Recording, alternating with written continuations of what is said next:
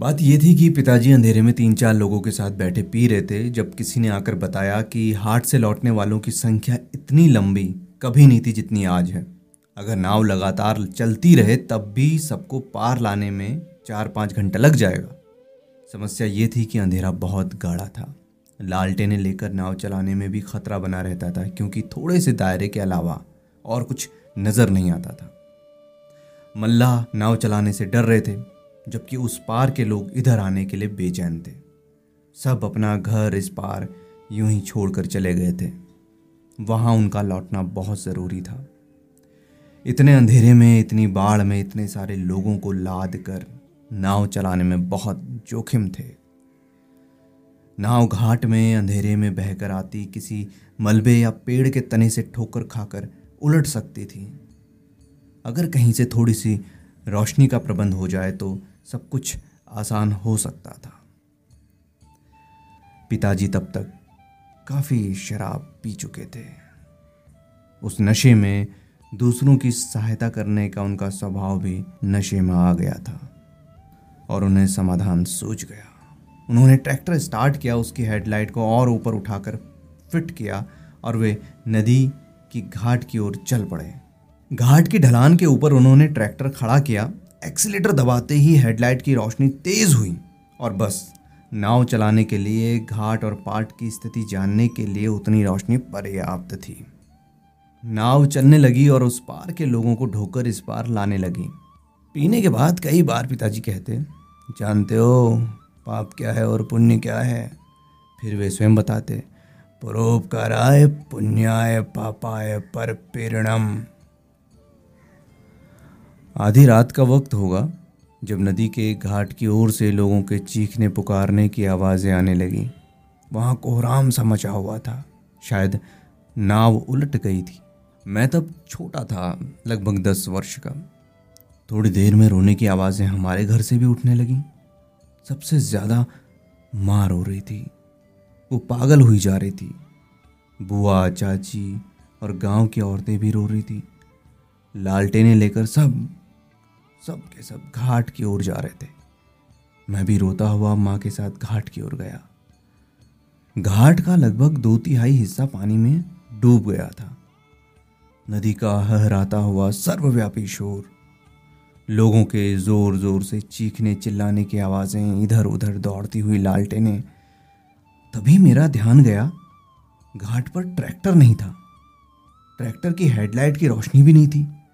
वहाँ सिर्फ़ अंधेरा था, अंधेरा और बाढ़ का पानी था। तो तो क्या पिताजी,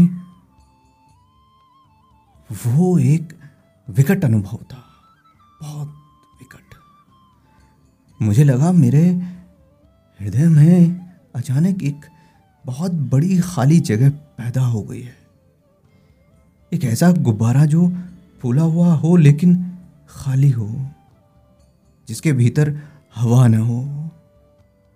उसके बाद उसके बाद मेरे पूरे शरीर में कंपन हुआ और मैं मैं रोने लगा। फिर मुझे माँ का विक्षिप्त चेहरा दिखा। वे बारिश से भीगी ज़मीन पर लोट लोट कर रो रही थी। हुआ शायद ये था कि घाट की ढलान पर खड़े ट्रैक्टर का या तो ब्रेक खुल गया था या फिर वो अचानक न्यूट्रल हो गया था। पिताजी ट्रैक्टर की सीट पर थे। दो तीन लोग जो मडगार्ड के साथ लगे लकड़ी के फट्टे पर बैठे थे, वे शायद कूद गए थे और ट्रैक्टर पिताजी को लेकर बाढ़ में चला गया था। किसी ने बताया कि उस समय नशे की हालत में पिताजी ट्रैक्टर पर बैठे कुछ कुछ गा रहे थे। मुझे पता है वो क्या गा रहे होंगे। वो गा रहे होंगे जोदी तुर डाक सुने को नाशी तो भी एकला चलो रे। एकला चलो एकला चलो एकला चलो रे। सौभाग्य था कि घाट में आगे चलकर टापू था, जिसमें ट्रैक्टर के पहिए फंस गए थे। ट्रैक्टर डूब तो गया था, लेकिन बंद हो गया था। शायद साइलेंसर में पानी भर जाने से।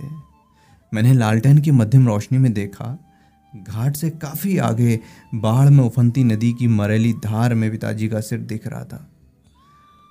उनका चेहरा उधर था जिधर नदी की धार थी।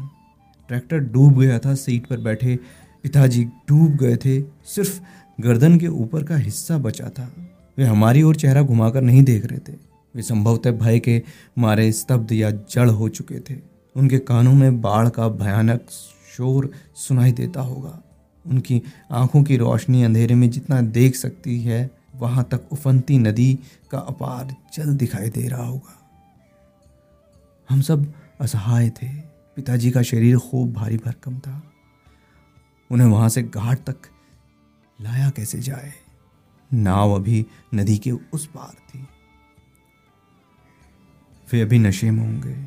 उनका सिर डूबने से इसलिए बचा हुआ था क्योंकि वे ट्रैक्टर की ऊँची सीट पर थे।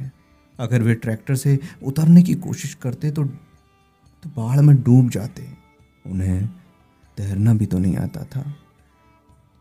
उस रात का वो दृश्य किसी बेचैन कर डालने वाले चित्र की तरह मेरी स्मृति में हमेशा के लिए स्थिर हो गया है। कृष्ण पक्ष की राहत कई कई दिनों तक होने वाली बारिश, बाढ़, मुफंती नदी के दोनों पाटों के बीच पानी का हहराता हुआ शोर। और बहुत दूर, बीच में कहीं भय से जड़ हुआ पिताजी का सिर बिल्कुल खामोश। अगर ट्रैक्टर कहीं गियर में होता और उसका इंजन बंद नहीं होता तो वो नदी में चलता ही चला जाता। फिर पिताजी का वो सिर भी नहीं होता। और ना वो दिखाई देता। लेकिन शायद उसी दिन मैंने जाना कि हम एक दूसरे के गहन संकट में सिर्फ़ दर्शक हैं। आखिर उस दिन पिताजी का सिर बाढ़ के बीच में था, लेकिन बाकी सारे लोग तट पर लालटेने लेकर सिर्फ़ इधर से उधर दौड़ रहे थे। मेरी माँ भी तो इतना पागल होकर रो रही थी। एक दर्शक ही तो थी। उनकी सांस रुकी जा रही थी, लेकिन उनके और पिताजी के सिर के बीच दूर तक बाढ़ का पानी था। मैं भी तो जिसके हृदय में इतना बड़ा खाली गुब्बारा पैदा हो रहा था, और जो एक विकट अनुभव से गुजर रहा था, एक दर्शक ही था। शायद इसे पिताजी भी जानते थे, इसीलिए वे नदी के घाट की ओर चेहरा घुमाकर नहीं देख रहे थे। वे उधर देख रहे थे जिधर मृत्यु थी। तभी मुझे गोद में उठाकर मनोहर भागा। शायद उसे कहा गया होगा कि वो मुझे वहाँ से हटा ले। मैं बहुत झटपटाया, लेकिन वो मुझे खींचता हुआ घर ले आया। मैं अब भी रो रहा था। पिताजी का बाढ़ में डूबा हुआ वो स्तब्ध सिर मुझे बार बार दिखाई दे जाता। काफ़ी देर बाद लालटे ने लोगों की बातचीत की आवाज़ के साथ हमारे घर की ओर आने लगी। मनोहर ने कहा, अब चुप हो जाओ। पिताजी पिताजी आ, आ रहे हैं। उदय प्रकाश जी ने इस कहानी को लिखा और इसका अंत इस तरह लिखा कि ये दर्शकों के विवेक पर छोड़ दिया। वो अपनी अपने अनुसार अपनी खुशी के